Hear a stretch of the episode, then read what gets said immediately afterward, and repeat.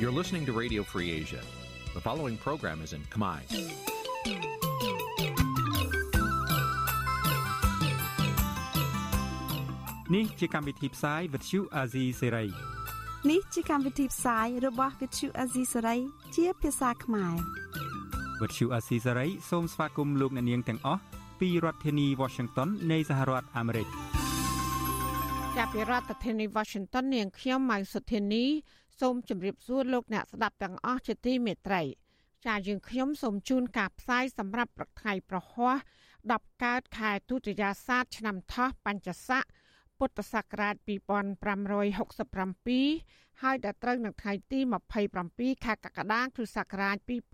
2023ជាដំបូងនេះសូមអញ្ជើញលោកអ្នកនាងកញ្ញាស្ដាប់ព័ត៌មានប្រចាំថ្ងៃដែលមានមេត្តាដូចតទៅ សង្គមស៊ីវិលជំរុញអាជ្ញាធរដោះលែងលោកថាច់សិដ្ឋាដែលកំពុងឈឺធ្ងន់និងកញ្ញាសេងសេរីឲ្យមានត្រីភាពឡើងវិញក្រោយកាន់អំណាចជិត40ឆ្នាំលោកហ៊ុនសែន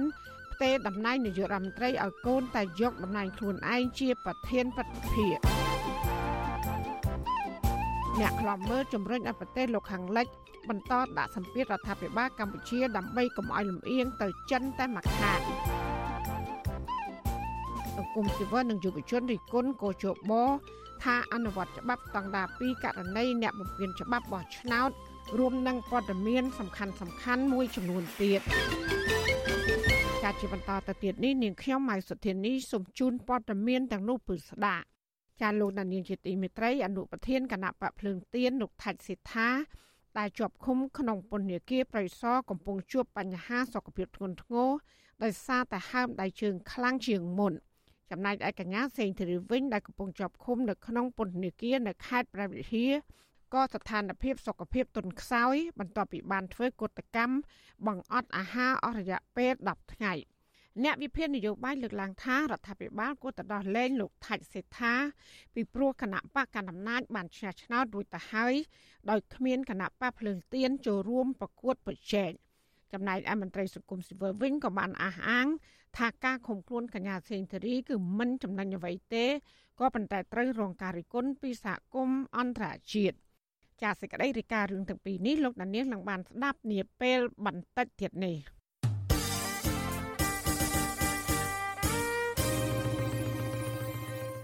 ចាលោកណានីជាទីមេត្រីពាក់ព័ន្ធនឹងការបោះឆ្នោតនៅកម្ពុជានេះដែរឧត្តមស្នងការសិទ្ធិមនុស្សអង្គការសហប្រជាជាតិលោក Volker Turk សម្ដែងការសោកស្ដាយ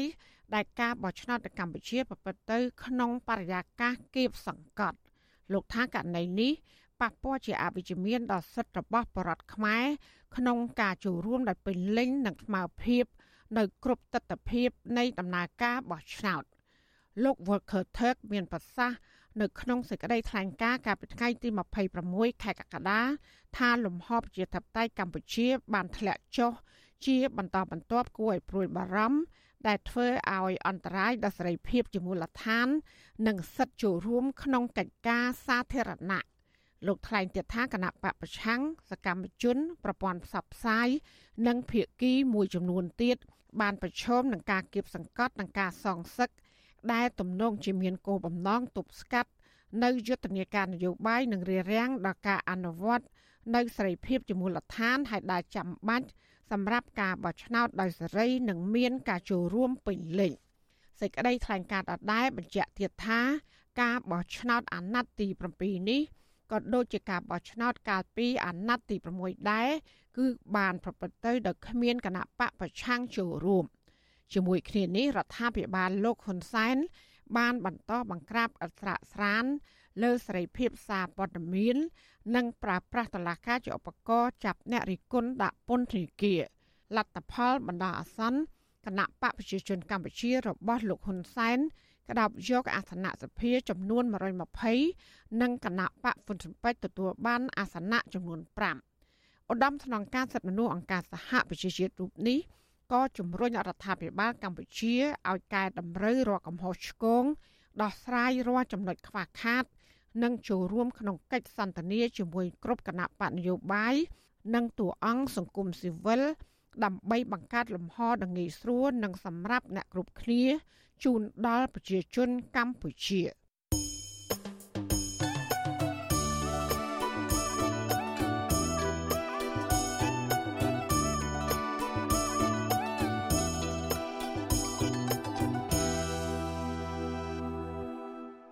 ចាលោកដានៀងជាទីមេត្រីតកតងនឹងការបោះឆ្នោតនៅកម្ពុជាដែលទើបបញ្ចប់កាលពីពេលថ្មីថ្មីនេះអ្នកតាមដានស្ថានភាពនយោបាយនៅកម្ពុជាស្នើដល់បណ្ដាប្រទេសលោកខាងលិចឲ្យបន្តដាក់សម្ពាធដល់រដ្ឋាភិបាលថ្មី ដែលពួកគេចាត់ទុកថាការចេញពីការបោះឆ្នោតคล้ายៗដើម្បីគោរពតាមស្មារតីនៃកិច្ចព្រមព្រៀងសន្តិភាពទីក្រុងប៉ារីសនិងធានាអព្យាក្រឹតភាពរបស់កម្ពុជា ការស្នើបែបនេះធ្វើឡើងនៅបន្ទាប់ពីលោកហ៊ុនសែននិងផ្ទេរអំណាចឲ្យកូនប្រុសរបស់លោកគឺលោកហ៊ុនម៉ាណែតបន្តដឹកនាំកម្ពុជានៅចុងខែសីហាខាងមុខចាលោកយ៉ងច័ន្ទរា មានសេចក្តីរាយការណ៍អំពីរឿងនេះដូចតទៅមន្ត្រីគណៈបកប្រឆាំងនិងអ្នកវិភាគនយោបាយលើកឡើងថាសហរដ្ឋអាមេរិកនិងសម្ព័ន្ធមិត្តដែលនិយមរបបប្រជាធិបតេយ្យនៅតែចង់ឃើញកម្ពុជា មានលទ្ធិប្រជាធិបតេយ្យពិតប្រាកដបើទោះបីជាបណ្ដាប្រទេសនិយមប្រជាធិបតេយ្យធំធំ បញ្ចេញប្រតិកម្មនិងដាក់ទណ្ឌកម្មលើរដ្ឋាភិបាលកម្ពុជាដើម្បីឆ្លើយតបទៅនឹងការបោះឆ្នោតคล้ายៗយ៉ាងណាក្តីអតីតតំណាងរាជគណៈបកសង្គ្រោះជាតិខេត្តកំពង់ធំលោកម៉ែនសុថាវរិនប្រាប់វិទ្យុអាស៊ីសេរីកាលពីថ្ងៃទី26កក្កដាថា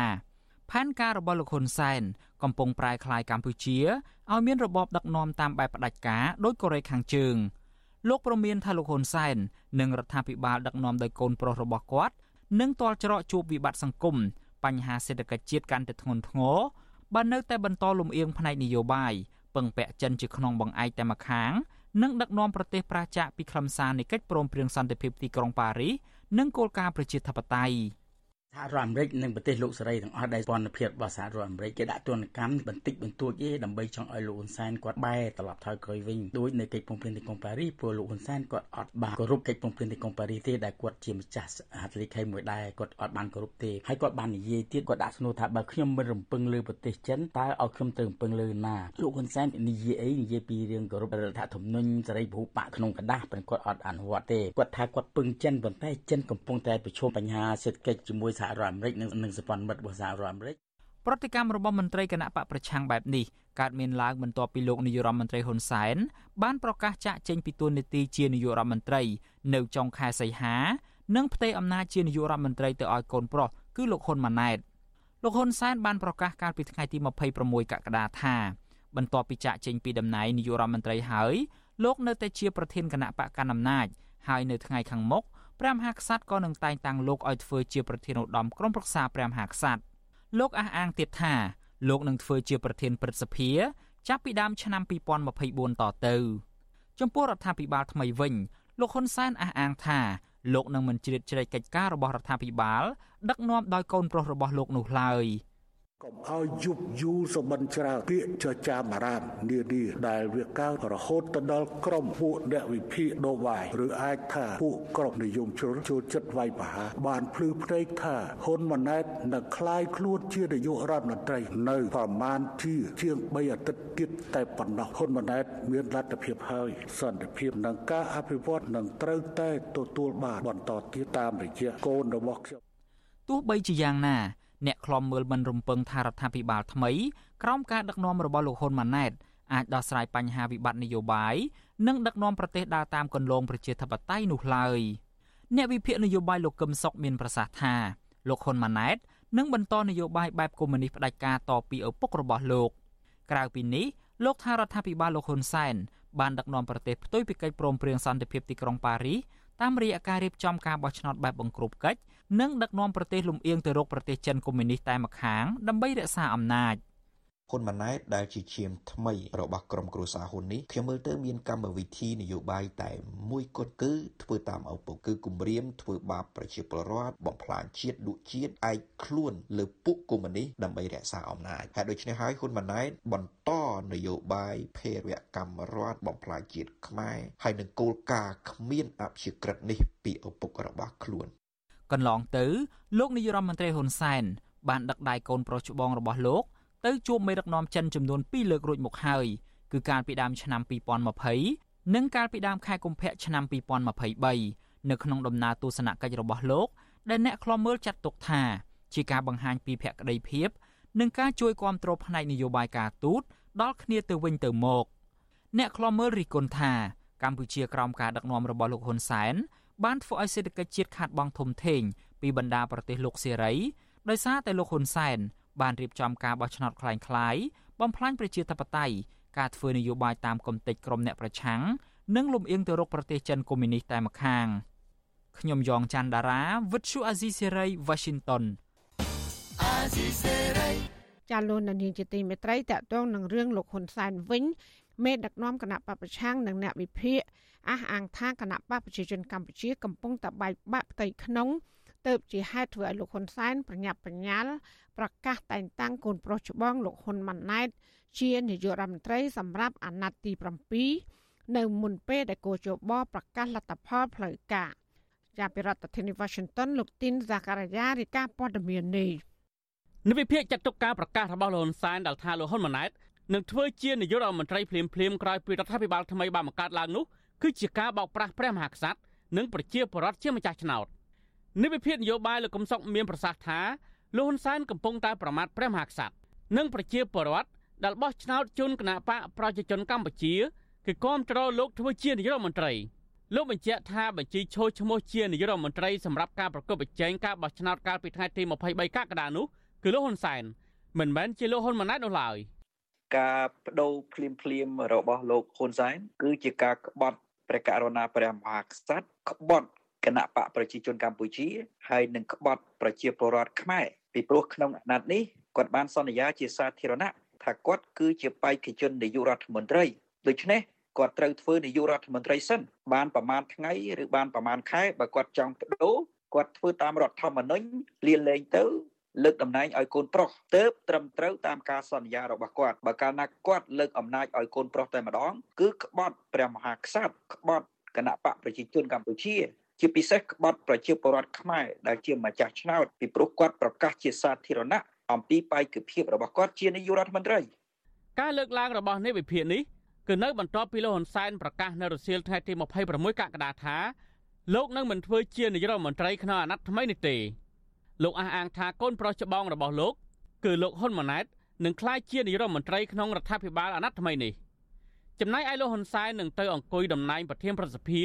ជំនួសលោកសាយឈុំដែលនឹងចូលនិវត្តន៍នៅពេលខាងមុខប៉ុន្តែអ្វីដែលជាការជឿទុកចិត្តរបស់ខ្ញុំគឺប្រជាពលរដ្ឋនឹងបន្តគ្រប់គ្រងហ៊ុនម៉ាណែតវាមិនមែនជាការបន្តវេនតាមដូចជាព្រះមហាក្សត្រដែលមាន បរិជាសិទ្ធតែងតាំងបរិទាយាទេហ៊ុនម៉ាណែតបើទោះបីមិនមែនជាកូនរបស់ខ្ញុំក៏ខ្ញុំគ្រប់គ្រងហ៊ុនម៉ាណែតជានាយករដ្ឋមន្ត្រីដែរខ្ញុំតែងតែបញ្ជាក់អ្នកសំកំផន់ច្រឡប់ឲ្យសោះលោកហ៊ុនសានផ្ទេរអំណាចតោពូជឲ្យលោកហ៊ុនម៉ាណែតនៅក្រៅការបោះឆ្នោតបែបនេះគឺបង្ហាញថាលោកព្រួយបារម្ភខ្លាយប្រជាពលរដ្ឋមិនបោះឆ្នោតគ្រប់គ្រងគណៈបកកាន់អំណាចរបស់លោកលោកហ៊ុនសែនធ្វើដូច្នេះគឺបញ្ជាក់ឲ្យឃើញថា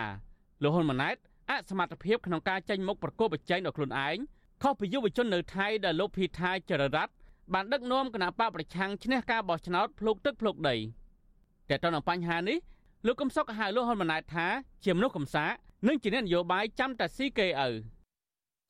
ហ៊ុនម៉ាណែត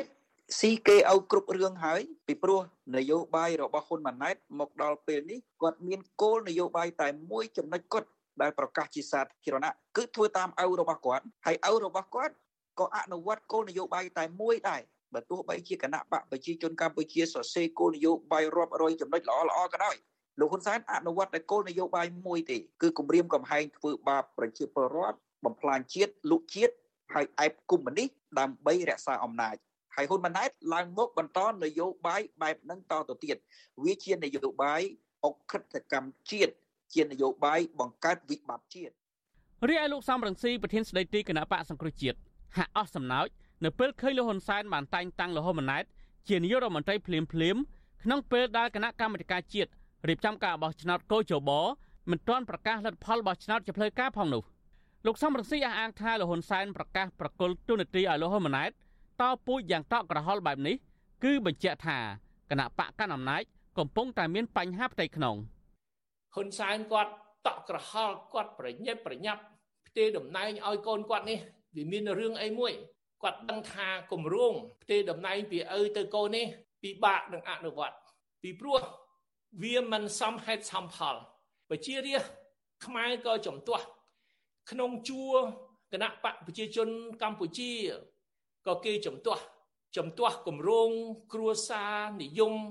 រឿងអីមានតែគ្រួសារហ៊ុនសែននឹងមួយហ្នឹង អស់ពីហ៊ុនសែនក្តោបក្តាប់អំណាចតែឯង38ឆ្នាំហើយស្រាប់តែចង់ផ្ទេរអំណាចឲ្យទៅកូនគាត់ទៀតឲ្យប្រជារាស្ត្រខ្មែរស្ថិតនៅក្រោមការគ្រប់គ្រងរបស់ត្រកូលហ៊ុនជារៀងរហូតទៅព្រោះទៅគាត់ថាក្រោយពីកូនគាត់ចៅគាត់ទៀតអញ្ចឹងត្រកូលហ៊ុនហ្នឹងគឺត្រូវដឹកនាំប្រទេសកម្ពុជាជារៀងរហូតទៅខ្មែរទាំងអស់គ្រប់គណៈបកនយោបាយទាំងអស់គ្រប់និន្នាការនយោបាយទាំងអស់ ឲ្យតែជាអ្នកស្រឡាញ់ជាតិអ្នកស្រឡាញ់យុត្តិធម៌ដឹងខុសដឹងត្រូវ គឺមិនត្រូវ ប្រគល់អំណាចទាំងស្រុងឲ្យទៅគ្រួសារតែមួយ ពីឪដល់កូន ពីកូនដល់ចៅទៅទៀតតើតើនឹងបញ្ហានេះលោកហ៊ុនសែនបានស្នើដល់មន្ត្រីទាំងឡាយដែលមិនបានបន្តតំណែងក្នុងគណៈរដ្ឋមន្ត្រីតទៅទៀតសុំការយោគយល់លោកបន្តថាពួកគេត្រូវលះបង់ហើយអ្នកដែលលះបង់ធំជាងគេនោះគឺខ្លួនលោក ទោះបីជាកូនប្រុសរបស់លោកបន្តវេនក៏ដោយក៏ប៉ុន្តែអ្នកដែលធ្លាប់មានអំណាចបញ្ជានិងអត់មានអំណាចបញ្ជានោះគឺជាការលះបង់ហើយដូច្នេះលោកហ៊ុនសែនសូមឲ្យមន្ត្រីនានាដែលមិនទទួលតំណែងជារដ្ឋមន្ត្រីតទៅទៀតអង្គុយនៅក្នុងសភាជាតំណាងរាស្ត្រពីព្រោះមន្ត្រីទាំងនេះចាស់ចាស់ណាស់ហើយលោកហ៊ុនសែនបន្ថែមថាមន្ត្រីមួយចំនួនក៏អាចតែងតាំងជាទីប្រឹក្សារដ្ឋាភិបាល និងមួយចំនួនទៀតក៏អាចក្លាយជាសមាជិកប្រសិទ្ធិនៅពេលខាងមុខដែរ នៅទន្ទឹមលោកហ៊ុនសែនស្នើសុំអង្វរកមន្ត្រីរបស់លោកឲ្យយោគយល់នេះរីឯខ្លួនលោកវិញនឹងទៅកាន់តួនាទីជាប្រធានប្រសិទ្ធិជំនួសលោកសាយឈុំដែលលោកឲ្យចូលនិវត្តន៍ក្រៅពីនេះលោកហ៊ុនសែនក្តាប់ក្តាប់គ្រប់គ្រងស្ថាប័នរាជបល្ល័ង្កដែរលោកនឹងកាន់តួនាទីមួយទៀតគឺប្រធានឧត្តមក្រុមប្រឹក្សាព្រះមហាក្សត្ររីឯអនុប្រធានគណៈបកប្រជាជនកម្ពុជា3រូបទៀតគឺមានលោកសខេងអ្នកស្រីម៉ែនសំអននិងលោកទាបាញ់មកទល់ពេលនេះមិនទាន់ឃើញមានឈ្មោះពួកគេ ទៅកាន់ទូនាទីជាអ្វីនោះទេ បញ្ហានេះថាតើលោកហ៊ុនសែននឹងបញ្ជូនពួកគេទៅឲ្យអានកាសែតឬយ៉ាងណាខ្ញុំបាទទីនសាការីយ៉ាអស៊ីសេរី ប្រធានាធិបតី Washington ចាលោកនានីជាទីមេត្រីមេដឹកនាំរដ្ឋាភិបាលចាំផ្ទះលោកហ៊ុនសែនប្រកាសទុកថាឲ្យនាយករដ្ឋមន្ត្រីថ្មីចោះជួបកម្មករជាបន្តទៀតក្រោយពីបង្កើតគណៈរដ្ឋមន្ត្រីថ្មីលោកហ៊ុនសែនចេញសារសម្លេងនៅលើបណ្ដាញសង្គម នៅថ្ងៃទី26ខែកក្កដាម្សិលមិញថាលោកសំទោសកម្មករកម្មការិនីនៅទូទាំងប្រទេសថាលោកមិនអាចចោះជួបសួរទុកទុកពួកគេបានឡើយដោយសារតែស្ថិតក្នុងដំណាក់កាលរដ្ឋាភិបាលចាំផ្ទះលោកនាយករដ្ឋមន្ត្រីហ៊ុនសែនថាលោកហ៊ុនម៉ាណែតនឹងចោះជួបកម្មករចំនួនលោកមាននាយករដ្ឋមន្ត្រីថ្មីនឹងទៅសួរសុខទុក្ខចំពោះកម្មករកម្មការនីរបស់យើងជំនួស នាយករដ្ឋមន្ត្រីចាស់ដែលនេះគឺជាលទ្ធភាពនៃការកាត់ឡើងនៃរាជរដ្ឋាភិបាលថ្មី ដែលមានទាំងនាយករដ្ឋមន្ត្រីថ្មី ហើយខ្ញុំក៏មិនទៅណាទេខ្ញុំនឹងបកស្រាយរឿងនេះ នៅថ្ងៃទី3ខែសីហាខាងមុខនេះ នៅក្នុងពេលសម្ពោធផ្លូវខ្សែក្រវ៉ាត់ក្រុងមន្ត្រីជាន់ខ្ពស់គណៈបកសង្គ្រោះជាតិលោកអ៊ុំសំអាន ប្រាប់បច្ចុប្បន្នស៊ីស្រីថាការដែលលោកហ៊ុនសែននិយាយក្រឡិចក្រឡុចជាមួយកម្មករបែបនេះគឺដោយសារតែលោកបានក្តោបយកជ័យជំនះពីការបោះឆ្នោតរួចបាត់ទៅហើយមន្ត្រីគណៈបកប្រឆាំងរូបនេះចាត់ទុកទង្វើរបស់លោកហ៊ុនសែនថាជានយោបាយបោកប្រាស់ប្រជាពលរដ្ឋដើម្បីបន្តក្តោបក្តាប់អំណាចតពូជវងត្រកូលទៅមុខទៀត គាត់ទៅយកចិត្តប្រជាប្រដ្ឋតែមុនបោះឆ្នោតតែក្រោយបោះឆ្នោតហើយអត់យកចិត្តទៀតទេព្រោះដោយសភាសិទ្ធគេនិយាយថាមុនបោះឆ្នោតសំពះដល់ឈ្នះសំពងអត់ខុសទេអាហ្នឹងដល់ឥឡូវនេះដល់ពេលសំពងអត់ត្រូវការពេលសំពះទៀតទេអញ្ចឹងដូច្នេះលោកហ៊ុនសែនគាត់បានអំណាចក្នុងដៃគាត់មិនទៅជួបប្រជាប្រដ្ឋយកចិត្តប្រជាប្រដ្ឋទៀតទេពេលដែលគាត់ត្រូវធ្វើម៉េចរៀបចំខ្លួនដើម្បីទប់ទល់ទៅនឹងសម្ពាធពីសហគមន៍អន្តរជាតិដែលនឹងដាក់អាចដាក់សម្ពាធបន្ថែមទៀតមកលើរដ្ឋាភិបាលលោកហ៊ុនសែន ទោះយ៉ាងណាការលើកឡើងរបស់លោកហ៊ុនសែននៅក្រៅការបោះឆ្នោតដែលគេឯងមើលឃើញថាជាការបោះឆ្នោតคล้ายៗនេះគឺខុសដាច់ស្រឡះកាលពីមុនការបោះឆ្នោតនៅមុនការបោះឆ្នោតលោកហ៊ុនសែនបានចោះជួបកម្មករស្ទើររាល់ថ្ងៃហើយបានសន្យាថាលោកនឹងបន្តចោះជួបសួរសុខទុក្ខដល់កម្មករថែមទៀតក្រោយពេលបោះឆ្នោតរួចហើយដោយមិនរងចាំយូរឡើយ។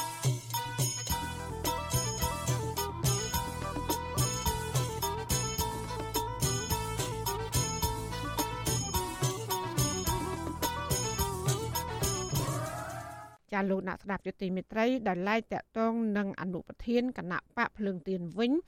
ដែលកំពុងជាប់ឃុំក្នុងពន្ធនាគារកំពុងជួបបញ្ហាសុខភាពធ្ងន់ធ្ងរដោយសារហើមដៃជើងធំជាងមុនអ្នកវិភាគនយោបាយនៅតែយល់ឃើញថាការចោទប្រកាន់លោកថៃសិដ្ឋាគឺជារឿងនយោបាយហើយជំរុញទៅរដ្ឋាភិបាលលោកហ៊ុនសែនអនុញ្ញាតឲ្យលោកថៃសិដ្ឋារួចផុតពីការចោទប្រកាន់ព្រោះព្រោះថាពេលនេះគណៈបកកណ្ដាលអំណាចបានឈ្នះឆ្នោត ដែលគ្មានគណៈបកភ្លើងទៀនចូលរួមប្រកួតប្រជែងដោយការគ្រោងទុកចានេះគឺជាសកម្មភាពមួយទៀតរបស់លោកទីនហ្សាការីយ៉ាជំវិញព័ត៌មាននេះមេធាវីការពារក្តីលោកថៃសិដ្ឋាអនុប្រធានគណៈបកភ្លើងទៀនឲ្យវិទ្យុអសិរ័យដឹងកាលពីថ្ងៃទី26កក្កដាថាលោកទៅតែទៅសួរសុខទុក្ខលោកថៃសិដ្ឋានៅឯពន្ធនាគារ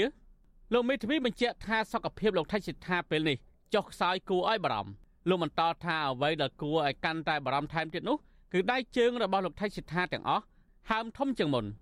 ពីព្រោះការព្យាបាលនៅក្នុងពន្ធនាគារមិនបានដដលដោយការព្យាបាលនៅមន្ទីរពេទ្យខាងក្រៅពន្ធនាគារនោះឡើយ។ដឹកខ្ញុំបានលើកឡើងជាសពដល់ខ្ញុំថាបើមិនបានអនុញ្ញាតឲ្យគាត់នៅក្រៅដើម្បីបានថែទាំសុខភាពទេជំងឺរបស់គាត់នឹងកាន់តែធ្ងន់ធ្ងរធ្ងន់ទៅអញ្ចឹងណាយើងយើងបារម្ភដែរហើយពេលគាត់ឡើងយើងមិនអាចស្មានបានទេតែប៉ុន្តែនឹងជីវិតរបស់គាត់ណាយើងព្រួយបារម្ភដែរ លោកថិតសិដ្ឋាមន្ត្រីជាន់ខ្ពស់គណៈបកប្រឆាំងមានដើមកំណើតជាខ្មែរកម្ពុជាក្រោមត្រូវបានសមត្ថកិច្ចរបបលហ៊ុនសែនបានចាប់ឃុំខ្លួនដាក់ពន្ធនាគារជិត200ថ្ងៃហើយលោកថិតសិដ្ឋាអាយុ70ឆ្នាំកំពុងមានជំងឺប្រចាំកាយមួយចំនួនដូចជាជំងឺបេះដូងជំងឺលើសឈាម និងជំងឺទឹកនោមផ្អែមជាដើមតុលាការរបបលហ៊ុនសែនបានចោទប្រកាន់លោកថៃសិដ្ឋាពីបទមិនបំពេញកាតព្វកិច្ចចំពោះឧបករណ៍អាចជួញដូរបាន ឬចាញ់សាយស្អុយក្រោយមកទៀត តុលាការបានចោទប្រកាន់លោកពីបទល្មើសថ្មីពីរទៀតគឺបទញុះញង់ឲ្យប្រព្រឹត្តបទអក្រិតជាអាតមាត្រា494មាត្រា495នៃក្រមព្រហ្មទណ្ឌនិងបទញុះញង់ឲ្យមានការរើសអើងតាមមាត្រា496នៃក្រមព្រហ្មទណ្ឌដដែលតើតើនឹងបញ្ហានេះនិវិភាននយោបាយលោកកំសុកនៅតែសង្កេតឃើញថាការចោទប្រកាន់និងការឃុំខ្លួនលោកថៃសិដ្ឋាគឺជាការខុសឆ្គងធ្ងន់ធ្ងរពីព្រោះការចោទប្រកាន់នេះមានចរិតនយោបាយ និងគ្មានភ័ស្តុតាងដាក់បន្ទុកគ្រប់គ្រាន់នោះឡើយទោះជាយ៉ាងណាលោកយល់ថាទោះបីជាលោកថៃសិដ្ឋាជួបបញ្ហាសុខភាពធ្ងន់ធ្ងរបែបនេះក្តីក៏តំណងជាលោកមិនទទួលបានក្តីអាណិតអាសូរពីរដ្ឋាភិបាលលហ៊ុនសែននោះទេលោកបន្តថាបើសិនជាសហគមន៍អន្តរជាតិមិនចាត់វិធានការជាក់លាក់ទៅលើរដ្ឋាភិបាលទេគឺលោកហ៊ុនសែននៅតែប្រើតឡាការចាប់ប្រកាន់លោកថៃសិដ្ឋានិងអ្នកទោសនយោបាយផ្សេងទៀតដដែល កូននិយាយដល់ចិត្តអាណិតអាសូរអ្នកដតីចេញពីបេះដូងរបស់ពួកគេនោះអ្វីដែលគេធ្វើគឺល្បិចកលខ្ទប់អ្នកទាំងឡាយណាឬក៏កំទេចអ្នកទាំងឡាយណាដែលធ្វើឲ្យប៉ះពាល់ដល់អំណាចរបស់គេតែប៉ុណ្ណោះទាក់ទងនឹងបញ្ហានេះនាយកទទួលបន្ទុកកិច្ចការទូតនៃអង្គការលីកាដូលោកអំសំអាតថ្លែងថាតាមច្បាប់អ្នកជាប់ឃុំគ្រប់រូបមានសិទ្ធិទទួលការព្យាបាលពេញលេញដោយបរិបទទូទៅ លោកបន្តថាបើទោះបីជាពន្ធនាគារមានប៉ុស្តិ៍សុខភាពប៉ុន្តែប៉ុស្តិ៍សុខភាពនៅទីនោះគ្មានគ្រូពេទ្យឬថ្នាំព្យាបាលគ្រប់គ្រាន់ដូចនៅមន្ទីរពេទ្យខាងក្រៅទេលោកអំសំអាតចង់ឃើញមន្ត្រីពន្ធនាគារអនុញ្ញាតឲ្យលោកថៃសិដ្ឋាបានទៅព្យាបាលជំងឺនៅពេទ្យខាងក្រៅពន្ធនាគារ ប៉ុស្តិ៍សុខភាពទី1គឺមានប៉ុស្តិ៍សុខភាពប៉ុន្តែมันមានបរិខាឬក៏ជំនាញគ្រប់គ្រាន់នៅក្នុងការព្យាបាលនិងការពិនិត្យទេបើសិនជាជំងឺហ្នឹងវាលើសពីសមត្ថភាពរបស់ប៉ុស្តិ៍សុខភាពរបស់ពន្ធនាគារឆ្លើយតបនឹងបញ្ហានេះអ្នកនាំពាក្យអគ្គនាយកដ្ឋានពន្ធនាគារនៃក្រសួងមហាផ្ទៃលោកនុតសាវណ្ណាប្រាប់ថាលោកមិនទាន់ទទួលព័ត៌មានស្ដីពីសុខភាពលោកថៃសិដ្ឋានៅឡើយទេទោះជាបែបនេះក្តី លោកនុតសាវណ្ណាបញ្ជាក់ថាសាច់ញាតិឬមេធាវីរបស់លោកថៃសិដ្ឋាអាចដាក់ពាក្យស្នើទៅព្រះរាជអាជ្ញាសូមឲ្យបញ្ជូនលោកថៃសិដ្ឋាយកទៅព្យាបាលជំងឺនៅមន្ទីរពេទ្យខាងក្រៅពន្ធនាគារយើងមើលជាក់ស្ដែងអញ្ចឹងឯងហើយបើសិនជាចាំបាច់អានឹងគេយកទៅក្រៅបើសិនជាមិនចាំបាច់ទេអានឹងយើងមានពេទ្យនៅក្នុងមណ្ឌលឬក៏ពន្ធនាគារហ្នឹងគាត់ពិនិត្យតាមហ្នឹងទៅហើយអាចថាករណីខ្លះមានពេទ្យលីកាដូអីចឹងគេទៅមើលដែរតើតើនឹងបញ្ហានេះ វិទ្យុអាស៊ីសេរីមិនអាចតកតងប្រពន្ធលោកថៃសិដ្ឋាគឺលោកស្រីថាច់សុកបូរនីដើម្បីសំសួរអំពីបញ្ហានេះបានឡើយទេនៅថ្ងៃទី26កក្កដាមេធាវីការពារក្តីលោកថៃសិដ្ឋាគឺលោកមេធាវីសឿនចំជួនជំរិញទៅតុលាការក្រុងភ្នំពេញគួរតែពន្លឿននីតិវិធីបើកសវនាការជំនុំជម្រះក្តីលោកថៃសិដ្ឋាមេធាវីអនុប្រធានគណៈបកភ្លើងទីនរូបនេះស្នើទៅតុលាការឲ្យទម្លាក់ចោលការចាប់ប្រកាន់លើកូនក្តីរបស់លោកឬអនុញ្ញាតឲ្យលោកថៃសិដ្ឋាអាចនៅក្រៅឃុំបណ្ដោះអាសន្នបាន ចំណែកឯសហគមន៍អន្តរជាតិក៏តែងតែរំលឹកទៅរដ្ឋាភិបាលលហ៊ុនសែនជាញឹកញាប់សូមឲ្យដោះលែងលោកថៃសិដ្ឋានិងអ្នកទោសនយោបាយផ្សេងទៀតដោយគ្មានលក្ខខណ្ឌខ្ញុំបាទទីនសាការីយ៉ាអាស៊ីសេរីពីរដ្ឋធានី Washington ចាលោកណានៀងជាទីមេត្រីតកតងនឹងកញ្ញាសេងធីរីវិញបើទោះបីជាសុខភាពរបស់កញ្ញាទុនខ្សោយបន្ទាប់ពីធ្វើកុតកម្មបង្អត់អាហារអស់រយៈពេល10ថ្ងៃក្តីក៏កញ្ញានៅតែមានថ្មារដីរឹងមាំ ហើយទាមទាររដ្ឋាភិបាលដោះលែងរូបនាងដោយឥតលក្ខខណ្ឌមន្ត្រីសង្គមស៊ីវិលក៏ជំរុញរដ្ឋាភិបាលគួរតែដោះលែងកញ្ញាដើម្បីកាត់បន្ថយការរិះគន់ពីសហគមន៍អន្តរជាតិបងប្រុសកញ្ញាសេងធារីគឺលោកសេងម៉ារ៉ាឌីដែលបានជួបសួរសុខទុក្ខកញ្ញាសេងធារីនៅថ្ងៃទី26ខែកក្កដាប្រាប់បច្ចុប្បន្នស៊ីស្រីថាសុខភាពអូនស្រីបានចុះទ្រុឌទ្រោមបន្តិចបន្ទាប់ពីធ្វើកុតកម្មបង្អត់អាហារ លោកបន្ថែមថាកញ្ញាសេងធារីបានត្រកទម្ងន់អស់ចំនួន5គីឡូក្រាមហើយសុខភាពកញ្ញាវិញក៏មិនរឹងមាំដែរដោយសារកញ្ញាខ្វះជាតិស្ករហើយនឹងកម្រិតអុកស៊ីហ្សែនធ្លាក់ទាបបានត្រឹមតែ90ដែលតម្រូវឲ្យដាក់ម៉ាស៊ីនអុកស៊ីហ្សែនជំនួយបន្ថែមទោះយ៉ាងណាលោកសេងម៉ារ៉ាឌីអះអាងថាស្មារតីរបស់ប្អូនស្រី នៅតែរឹងមាំបន្តទៀមទារដ្ឋាភិបាលដោះលែងកញ្ញាដោយគ្មានលក្ខខណ្ឌ គាត់ឮថាសហរដ្ឋអាមេរិកគឺយកចិត្តទុកដាក់រឿងគាត់គាត់មានសេចក្តីរំភើបគាត់អរគុណដល់មេធាវីរបស់គាត់គាត់អរគុណដល់សហការីអ្នកផ្សេងផ្សេងដែលខិតខំជួយជំរុញរឿងក្តីរបស់គាត់នឹងដើម្បីឲ្យអន្តរជាតិដឹងឮហើយគាត់សង្ឃឹមថានឹងមានដំណោះស្រាយឆាប់ៗការពិពេលថ្មីថ្មីនេះក្រុមការងារប្រឆាំងនឹងការឃុំខ្លួនតាមទំនឹងចិត្ត នៃអង្គការសហប្រជាជាតិនិងរដ្ឋាភិបាលអាមេរិកក៏លើកឡើងដែរថាការឃុំខ្លួនរបស់កញ្ញាសេងធីរី គឺធ្វើឡើងផ្ទុយនឹងច្បាប់ជាតិរបស់កម្ពុជា ហើយនិងសិទ្ធិមនុស្សអន្តរជាតិដែលរដ្ឋាភិបាលកម្ពុជា បានផ្ដល់សេចក្ដីបានកញ្ញាសេងធីរីធ្វើកតកម្មបង្អត់អាហាររយៈពេល10ថ្ងៃ ចាប់ផ្ដើមពីថ្ងៃទី17ខែកក្កដានិងបញ្ចប់នៅថ្ងៃទី26ខែកក្កដាដើម្បីជាសារទាមទាររដ្ឋាភិបាលកម្ពុជារៀបចំការបោះឆ្នោតដោយសេរីនិងយុត្តិធម៌បើកលំហសិទ្ធិប្រជាពលរដ្ឋសិទ្ធិនយោបាយឲ្យដោះលែងកញ្ញានិងអ្នកទោសនយោបាយផ្សេងទៀតឲ្យមានសេរីភាពឡើងវិញមេធាវីសិទ្ធិមនុស្សអន្តរជាតិរបស់កញ្ញាសេងធារី គឺលោក Jared Genser បញ្យល់ថាការធ្វើកុតកម្មបង្អត់អាហាររបស់កញ្ញានេះគឺជាការតស៊ូដោយសន្តិវិធី និងដ៏មានឥទ្ធិពលដើម្បីបង្ហាញពីការរដ្ឋបិទដ៏ធ្ងន់ធ្ងរលើគណៈបកនយោបាយប្រឆាំងនិងការបោះឆ្នោតមិនសេរីនិងយុត្តិធម៌នៅកម្ពុជាជុំវិញរឿងនេះអ្នកនាំពាក្យគណៈបកកណ្ដាលអំណាចលោកសុកអេសានលើកឡើងថាបើទោះបីជាប្រឈមនឹងការដាក់សម្ពាធ ពីសហគមន៍អន្តរជាតិក្តីរដ្ឋាភិបាលនឹងមិនធ្វើការសម្របសម្រួលណាមួយ ដែលខុសពីគោលការណ៍ច្បាប់ដោះលែងកញ្ញាសេងធារីនោះឡើយ។ប៉ុណ្្នឹងហើយដែលមិនអាចដោះស្រាយបាននោះយកការគម្រាមកំហែងយកការដាក់ទណ្ឌកម្មមកសម្លុតដោយរដ្ឋាភិបាលកម្ពុជាស្របច្បាប់វាអត់ផ្លូវទេมันអាចសម្របសម្រួលណាមួយបានទេបាទទោះជាយ៉ាងណានាយកទទួលបន្ទុកកិច្ចការទូត នៃអង្គការឃ្លាំមើលសិទ្ធិមនុស្សលីកាដូលោកអំសំអាតយល់ឃើញថាកញ្ញាសេងធារី គឺជាសកម្មជនសិទ្ធិមនុស្សដ៏ឆ្នើមព្រោះបើទោះបីជាកញ្ញាកំពុងជាប់ឃុំក្នុងពន្ធនាគារក្តីប៉ុន្តែកញ្ញានៅតែធ្វើការតស៊ូមតិប្រឆាំងនឹងភាពអយុត្តិធម៌ក្នុងសង្គមនិងទាមទារឲ្យមានការបោះឆ្នោតត្រឹមត្រូវនិងយុត្តិធម៌លោកបន្ថែមថារដ្ឋាភិបាល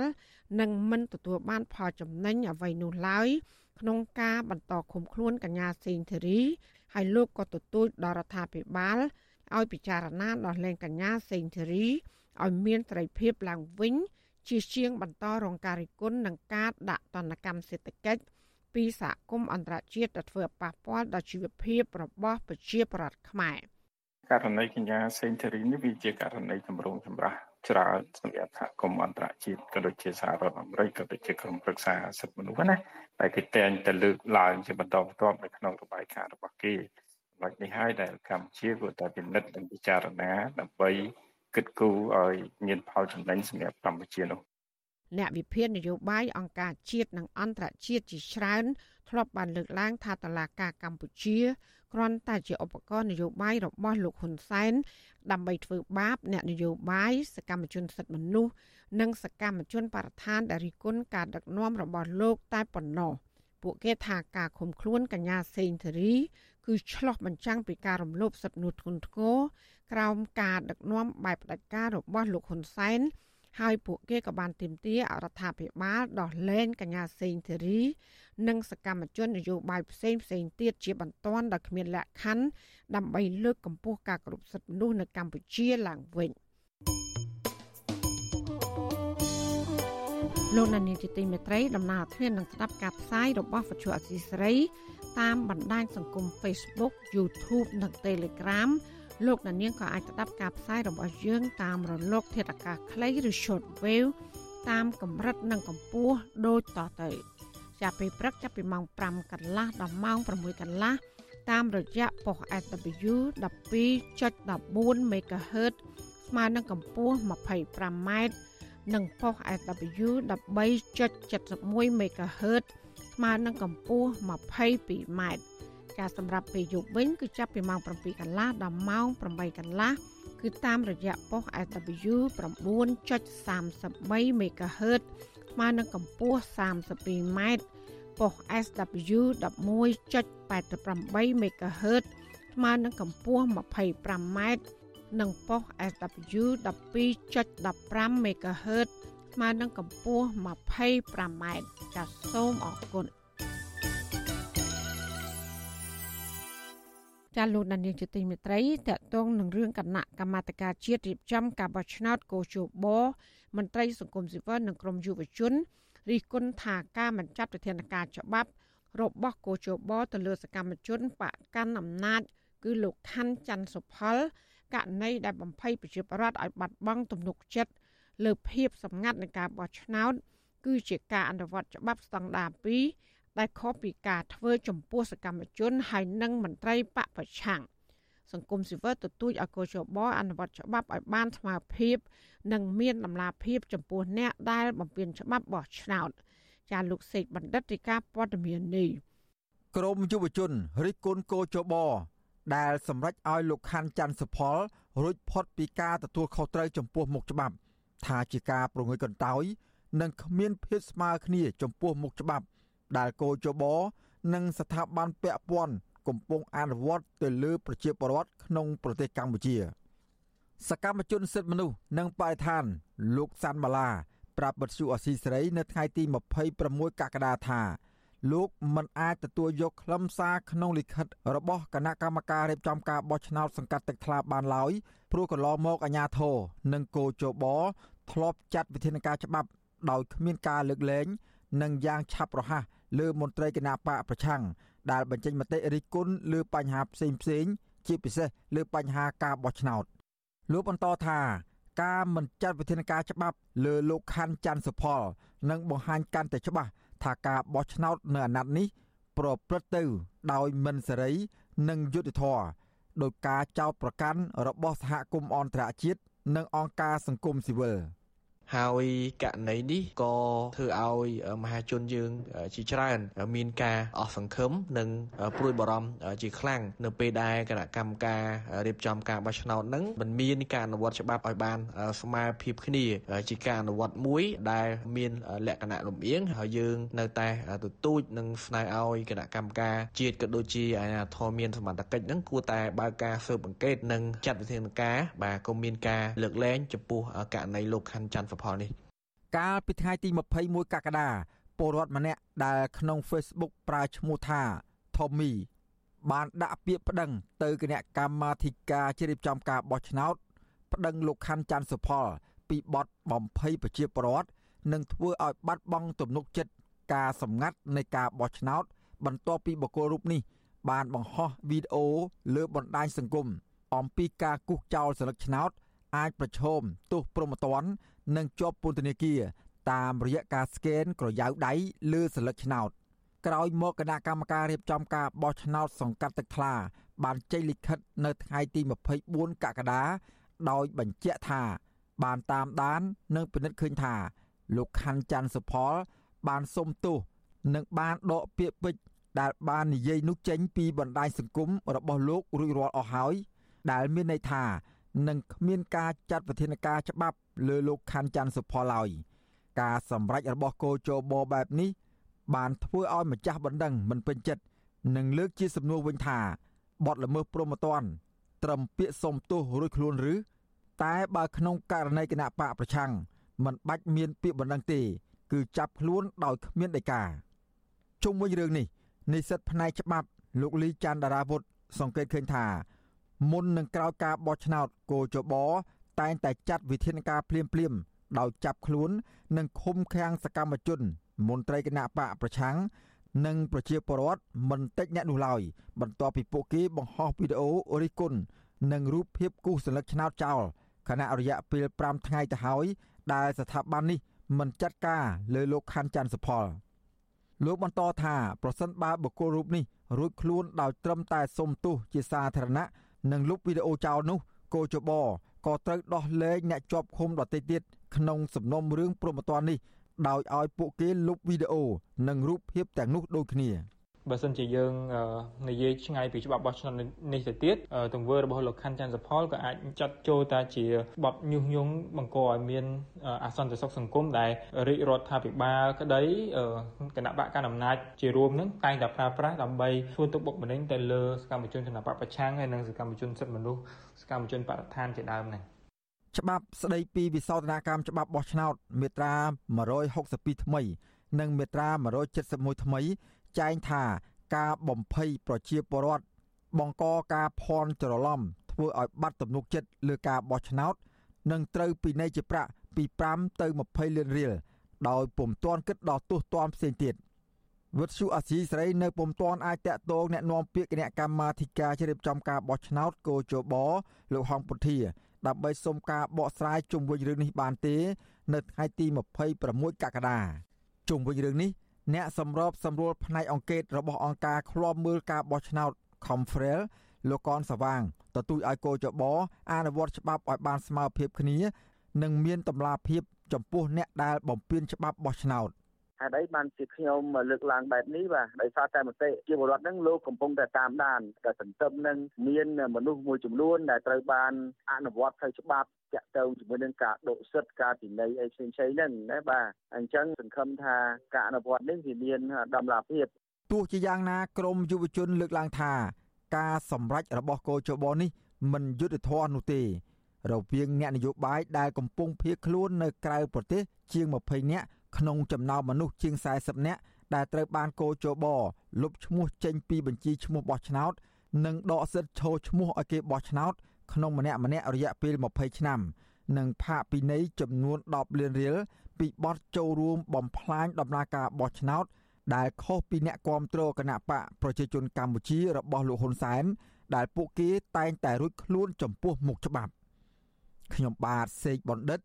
វុទ្ធុអាស៊ីសេរីពីរដ្ឋធានីវ៉ាស៊ីនតោន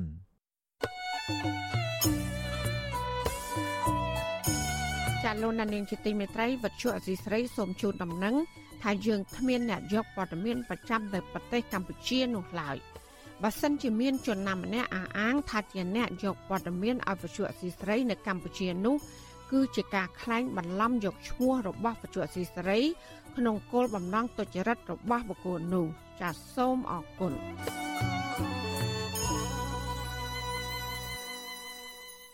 ចាលោកណានីជាទីមេត្រីប្រជាប្រដ្ឋខ្មែរដែលភៀសខ្លួននៅក្រៅប្រទេស បានចាត់ទុកការសម្រេចរបស់គណៈកម្មការរៀបចំការបោះឆ្នោតរាជធានីភ្នំពេញ ដែលដកហូតសិទ្ធិធ្វើនយោបាយរបស់ពួកគាត់ គឺมันអាចទទួលយកបាននិងមានភាពលំអៀងមន្ត្រីសង្គមជីវិតយល់ឃើញថាការសម្រេចរបស់គោជប នឹងនាំឲ្យមានការបែកបាក់ជាតិចាអ្នកត្រីសុជីវីរាយការណ៍ព័ត៌មាននេះគណៈកម្មការរៀបចំការបោះឆ្នោតរាជធានីភ្នំពេញកាលពីថ្ងៃទី25ខែកក្កដាបានសម្រេចលុបឈ្មោះចេញពីបញ្ជីបោះឆ្នោត និងដកសិទ្ធិឈរឈ្មោះឲ្យគេបោះឆ្នោត ពីបរតខ្មែររស់នៅក្រៅប្រទេសចំនួន21នាក់ក្នុងនោះរួមមានទាំងម្ចាស់ពានរង្វាន់ការពារសិទ្ធិមនុស្សអន្តរជាតិប្រដេចប្រគុណលួនសវ៉ាតយុវជនគណៈបកភ្លើងទៀនលោកផនផាណា តំណាងចលនាប្រជាធិបតេយ្យនៅប្រទេសកូរ៉េខាងត្បូងលោកម៉ាត់វ៉ានីនិងតំណាងយុវជននៅជប៉ុនលោកហៃវ៉ាណាផងរយៈពេល20ឆ្នាំ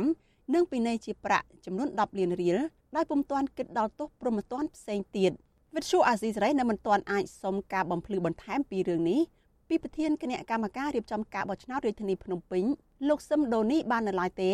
នៅថ្ងៃទី26ខែកក្កដា តែទោះជាយ៉ាងណាសារព័ត៌មានដែលគាំទ្ររដ្ឋាភិបាល Fresh News ថាការសម្រេចរបស់គណៈកម្មការរៀបចំការបោះឆ្នោតរាជធានីភ្នំពេញ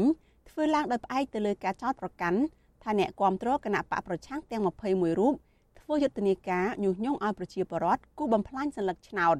អ្នកនាំពាក្យនៃចលនាប្រជាធិបតេយ្យសង្គ្រោះជាតិនៅប្រទេសកូរ៉េខាងត្បូងលោកម៉ាត់វ៉ានី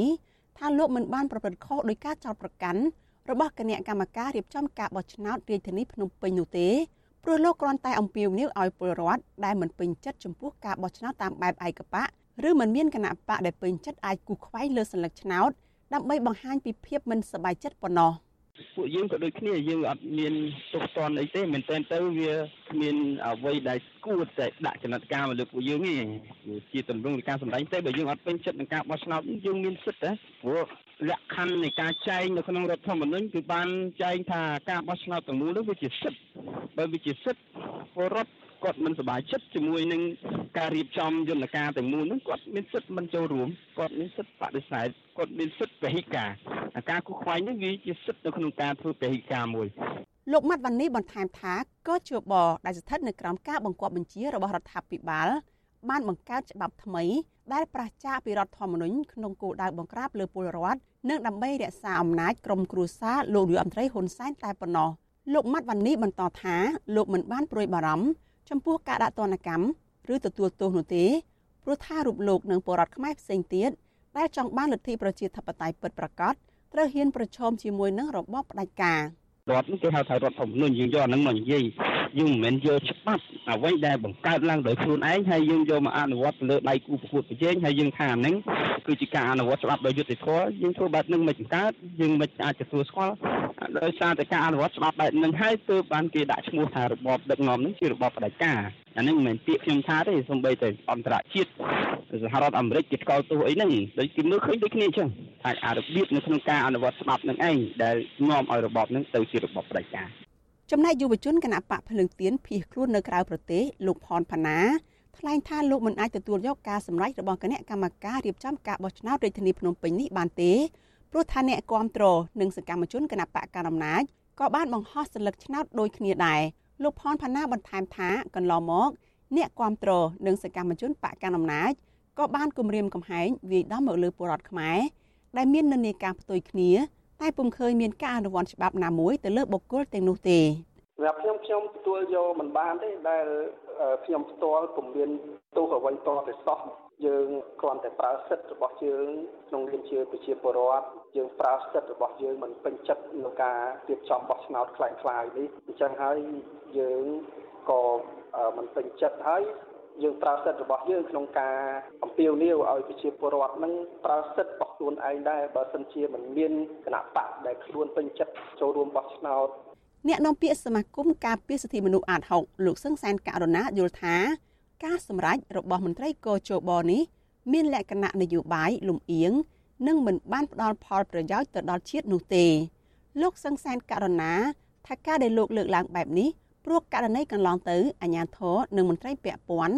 មិនបានអនុវត្តតាមផ្លូវច្បាប់ទៅលើសកម្មជនឬមន្ត្រីគណៈបកកាន់អំណាចទាំងនោះ។អញ្ចឹងបើសិនជាយើង ពិតប្រកបថាយើងពិតជាអនុវត្តច្បាប់មែនអញ្ចឹងมันគួរមានការអនុវត្តច្បាប់ទៅលើតែមួយខាងហើយយកយល់មួយខាងទេព្រោះគោលការណ៍ប្រតិបត្តិច្បាប់ដូចជាអត់មានការលើកលែងបែបហ្នឹងទេប៉ុន្តែផ្ទុយទៅវិញការអនុវត្តនេះវាហាក់ដូចជាធ្វើឡើងដោយលំអៀងណាដោយគ្មានឯករាជ្យភាពនៅក្នុងការអនុវត្តទូនាទីនឹងហើយអញ្ចឹងហើយបានជាការអនុវត្តនឹងសំដៅទៅលើតែក្រម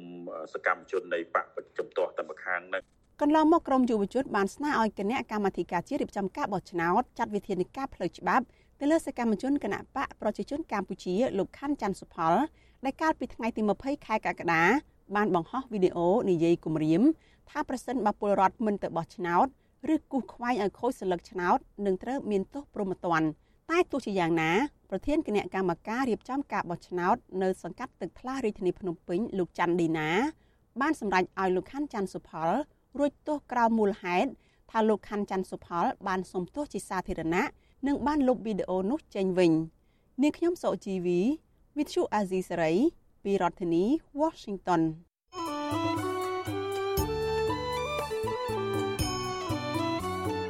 ចចាលោកដានៀងជាទីមេត្រីក្នុងឱកាសនេះដែរនាងខ្ញុំសូមថ្លែងអំណរគុណ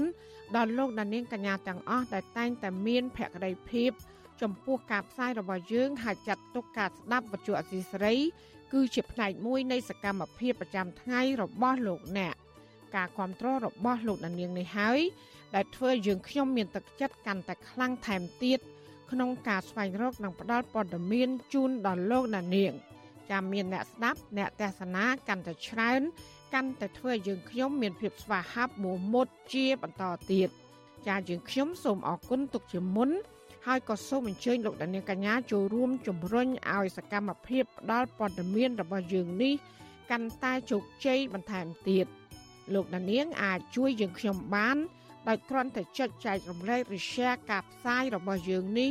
នៅលើបណ្ដាញសង្គម Facebook និង YouTube ទៅកាន់មិត្តភ័ក្តិដើម្បីឲ្យការផ្សាយរបស់យើងនេះបានទៅដល់មនុស្សកាន់តែច្រើនចាសសូមអរគុណ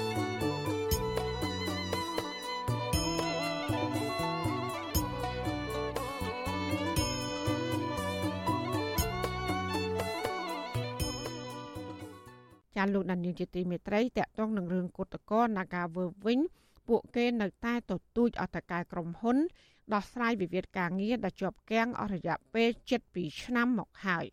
ចំណែកឯមន្ត្រីសហជីពថារដ្ឋាភិបាលថ្មីគួរតែពន្លឿនការដោះស្រាយ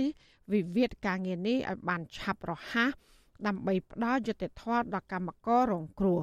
ចានអ្នកស្រីសុជីវីមានសេចក្តីរាយការណ៍ដាច់ដライមួយទៀតជំវិញព័ត៌មាននេះ ប្រតិកម្មរបស់ក្រុមកោតក្រនៅថ្ងៃទី26ខែកក្កដានេះគឺការឡើងបន្ទាប់ពីក្រុមហ៊ុនបនលបៃ Nagavel នៅតែបន្តជ្រើសរើសបុគ្គលិកថ្មីដើម្បីចូលបម្រើការងារជារៀងរាល់ថ្ងៃដោយមិនបានអើពើនឹងសំណើរបស់ក្រុមកោតក្រដែលទទូចឲ្យមានដំណោះស្រាយវិវាទការងារនិងទទួលយកបុគ្គលិកចាស់ចាស់ដែលថៅកែបានបញ្ឈប់ក្រោមលេសក្រុមហ៊ុនធ្លាក់ចុះប្រាក់ចំណេញនៅក្នុងអំឡុងពេលរាតត្បាតជំងឺ Covid-19 គិតត្រឹមឆមាសទី1ឆ្នាំ2023នេះ របាយការណ៍ប្រាក់ចំណូលរបស់ក្រុមហ៊ុន Nagavel បង្ហាញថាក្រុមហ៊ុនបនលបែងកណ្ដាលទីក្រុងមួយនេះអាចរកប្រាក់ចំណូលបានជាង260លានដុល្លារគឺកើនឡើងជាង20លានដុល្លារធៀបនឹងរយៈពេលដូចគ្នា កាលពីឆ្នាំ2022ដែលក្រុមហ៊ុននេះរកបាន240លានដុល្លារមួយវិញទៀតក្រុមហ៊ុននេះរកប្រាក់ចំណេញសុទ្ធបានជាង40លានដុល្លារកើនជាង30លានដុល្លារបើធៀបនឹងប្រាក់ចំណេញសុទ្ធកាលពីឆ្នាំ2022 គឺកើនជាង50លានដុល្លារតំណាងគឧតកោ Nagavel លោកស្រីមុំសវត្ថិនប្រាប់វិទ្យុអាស៊ីសេរីនៅថ្ងៃទី26ខែកក្កដាថាក្រុមហ៊ុនបានប្រើលេសជំងឺ Covid-19 និងប្រាក់ចំណូលធ្លាក់ចុះដើម្បីរំលាយសហជីពឯករាជ្យដែលមាននៅក្នុងក្រុមហ៊ុននិងបញ្ឈប់កម្មករជាង1300នាក់លោកស្រីបន្ថែមថាមកដល់ពេលនេះក្រុមហ៊ុននៅតែបន្តការឡើងប្រាក់ចំណូលជាលំដាប់ដូច្នេះក្រុមហ៊ុនគួរតែដោះស្រាយវិវាទការងារដែលនៅជាប់គាំងជិត2ឆ្នាំមកនេះ ក្រសួងនៅតែលើកឡើងចំណុចថាតកែមានសិទ្ធិប្រជុំបុគ្គលិកទាំងដែលហេតុផលជាក់ច្បាស់ថាតកែគាត់មានចេតនាបំផ្លាញសហជីពនឹងចោលអញ្ចឹងការដំណោះស្រាយដែលកម្មករចង់បានឥឡូវអត់ពិបាកទេឲ្យតែយកចូលយកបុគ្គលិកដែលនៅសេសសល់ចូលវិញហើយតម្លាក់បត់ចោតលើតំណាងហ្នឹងគឺចប់រឿងហ្មងគឺអត់មានទៀមទីអីវែងឆ្ងាយទេវិទ្យុអាស៊ីសេរីនៅមិនទាន់អាចតាក់ទងអគ្គលេខាធិការរងនៃគណៈកម្មាធិការសម្រាប់ដោះស្រាយបញ្ហាកោតកម្មបាតកម្ម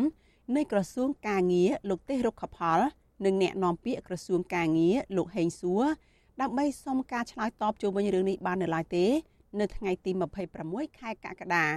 ទោះជាយ៉ាងណាប្រធានសហព័ន្ធសហជីពកម្មករចំណីអាហារនិងសេវាកម្មកម្ពុជា អ្នកស្រីឧទេផលីនមានប្រសាសន៍ថាដើម្បីឲ្យកម្មកររួចផុតពីភាពជាទាសករនៅក្នុងសម័យទំនើបលុះត្រាតែនៅក្នុងកន្លែងការងារពួកគេ មានសហជីពដើម្បីការពារសិទ្ធិដល់កម្មករពេលពួកគេរងនៅភាពអយុត្តិធម៌ឬការរំលោភបំពានពីអតិថិជន និងថៅកែជាដើមលោកស្រីទទូចដល់ថៅកែក្រុមហ៊ុន Nagavel ឲ្យដោះស្រាយបញ្ហាកូតកោប្រកបដោយចិត្តមេត្តាធម៌និងស្នើដល់រដ្ឋាភិបាលបញ្ឈប់ការលាបពណ៌ឬការចោទប្រកាន់ទៅលើកម្មករដែលរងភាពអយុត្តិធម៌ យើងនិយាយថាទូនាទីអ្នកទាំងឡាយនេះគាត់បានមកពីការបោះឆ្នោតរបស់ពលរដ្ឋចាត់ដល់ពេលមានបញ្ហាឲ្យតែពលរដ្ឋប្រើប្រាស់សិទ្ធិរបស់ខ្លួនឯងតាមអនុសញ្ញាអង្គការពលកម្មអន្តរជាតិឬក៏សេចក្តីប្រកាសជាសកលស្តីពីសិទ្ធិមនុស្សអីគឺត្រូវបានចោទពលរដ្ឋខ្លួនឯងជាញយញយនៅក្នុងការស្បត់ជាតិឬក៏ទោសទៅលើរឿងបាត់និយមអីហ្នឹងវាជារឿងមួយអាមកធំណានៅពេលដែលនយោជកគេមានធនធានមានទាំងទុនរកស៊ីហើយប្រាប់ដល់ពេលពលរដ្ឋចាប់ដើមកម្មករប្រកាសសិទ្ធិខ្លួនឯងមកមានជាកម្មករជាមួយនឹងនយោជកដោះស្រាយវិវាទនៅកន្លែងធ្វើការផងហើយបែរជាអ្នកដឹកនាំឬក៏ដំណើរប្រទេសហ្នឹងមកចោទថាពលរដ្ឋនៅពីក្រោយខ្នងហ្នឹងមានអ្នកនេះអ្នកនេះនៅពីក្រោយខ្នងខ្ញុំគិតថាគួរតែបដូរការគិតបែបហ្នឹងទៅក្រុមកោតក្រនៃក្រុមហ៊ុនបនលបែក Nagavel បានធ្វើកោតកម្មទាមទារឲ្យថៃការក្រុមហ៊ុន និងរដ្ឋាភិបាលដោះស្រាយវិវាទការងារអស់រយៈពេលជិត2ឆ្នាំហើយប៉ុន្តែមិនទាន់មានដំណោះស្រាយនៅឡើយផ្ទុយទៅវិញអាជ្ញាធរបានចោទប្រកាន់លើតំណាងកោតក្រនិងផ្ដន្ទាទោសពួកគេ ចន្លោះពី1ឆ្នាំទៅ2ឆ្នាំក្រោមបទចោទញុះញង់បង្កឲ្យមានភាពវឹកវរធ្ងន់ធ្ងរដល់សន្តិសុខសង្គមទោះជាយ៉ាងនេះក្តីកោតក្រនិងមន្ត្រីសហជីពនៅតែស្នើយ៉ាងទទូចដល់ថៃកែក្រុមហ៊ុន Nagavel និងរដ្ឋាភិបាលឲ្យដោះស្រាយបញ្ហាវិវាទការងារនេះឲ្យបានឆាប់រហ័សហើយបញ្ឈប់ការលាបពណ៌ចោតប្រកាន់លើពួកគេនិងទម្លាក់ចោលការចោតប្រកាន់លើតំណាងកម្មករនាងខ្ញុំសុជីវីវិទ្យុអាស៊ីសេរីពីរដ្ឋធានី Washington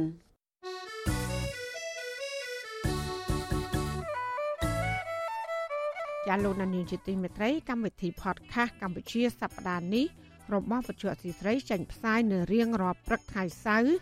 នៃសប្តាហ៍នីមួយៗមកនៅប្រទេសកម្ពុជា កម្មវិធីនេះរៀបចំដោយនាយកនិងនាយករងនៃកម្មវិធីការផ្សាយរបស់វិទ្យុអសីស្រីជាភាសាខ្មែរគឺលោកសំពូលីនិងលោកជុនច័ន្ទបុតចាសសូមប្រិយមិត្តស្វែងរកនិងស្ដាប់ podcast របស់យើង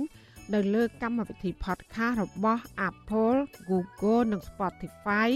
ដោយគ្រាន់តែសរសេរពាក្យថាកម្ពុជាសប្តាហ៍នេះឬ Cambodia This Week ដោយក្នុងប្រអប់ស្វែងរកតែយើងក៏នឹងចាប់ផ្សាយ podcast នេះឡើងវិញ នៅក្នុងការផ្សាយផ្ទាល់របស់យើងតាមបណ្ដាញសង្គម Facebook YouTube និង Telegram នៅរៀងរាល់យប់ថ្ងៃច័ន្ទចាសសូមអរគុណ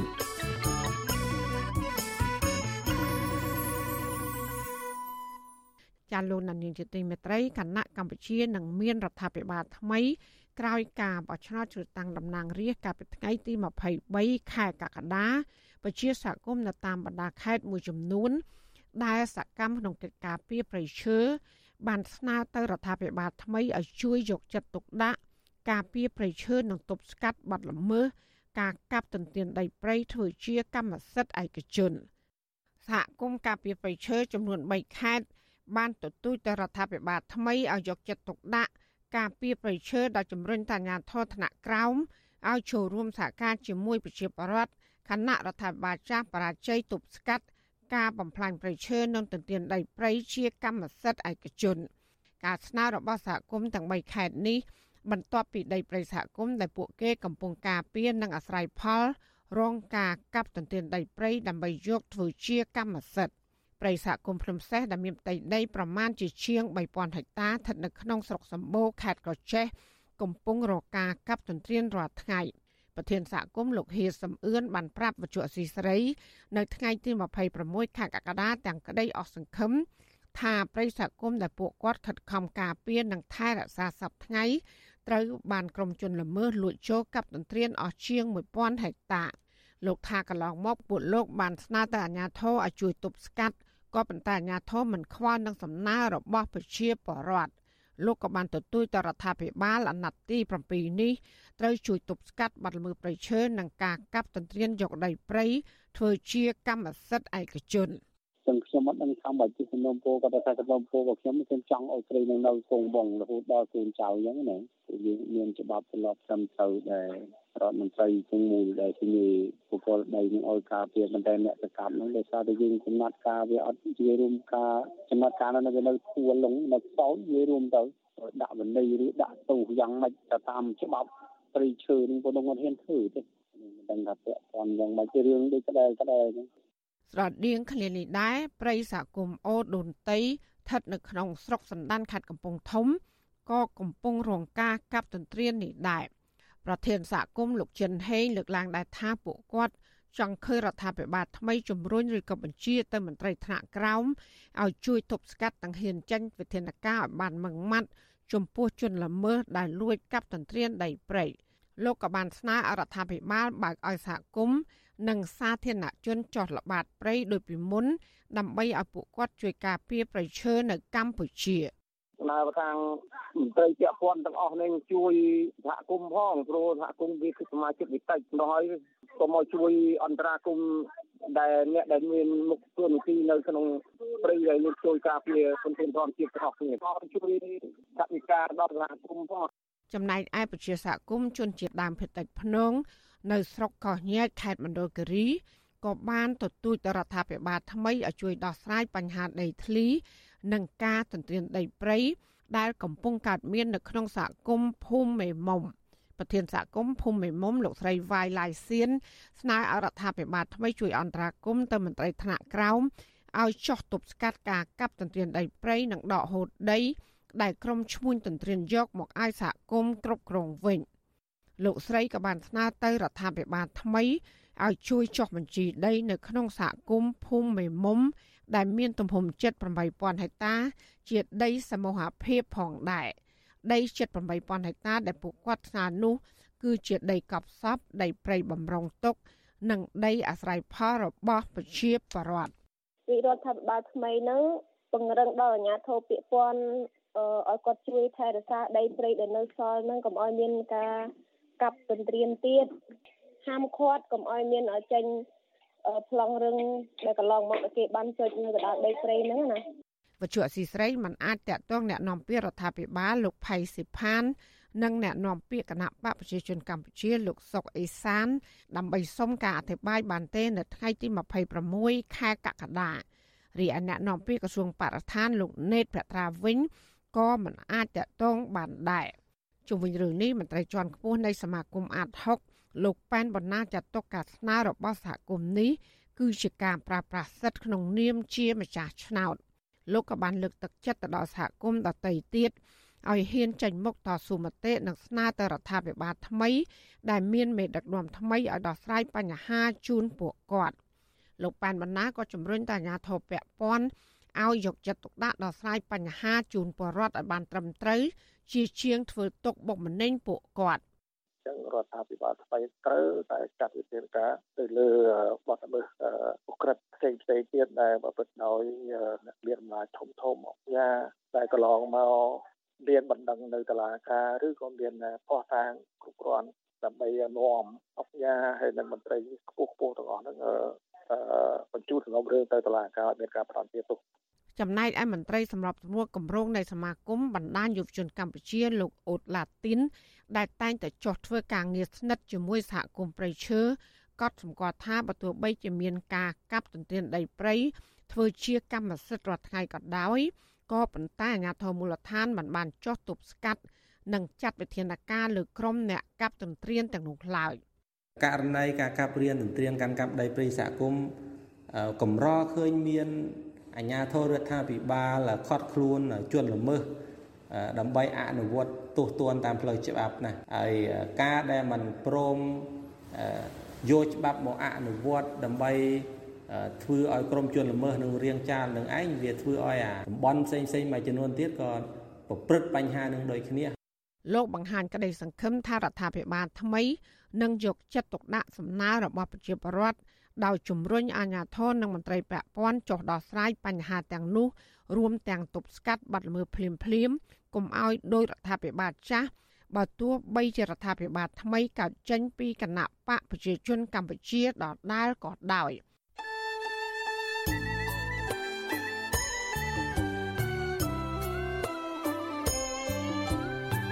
ចាលោកនាងកញ្ញាអ្នកស្ដាប់ជទីមេត្រីកັບផ្សាយរយៈពេល1ម៉ោងនៃវិទ្យុអាស៊ីស្រីជាភាសាខ្មែរនៅពេលនេះចាប់តែប៉ុណ្ណេះ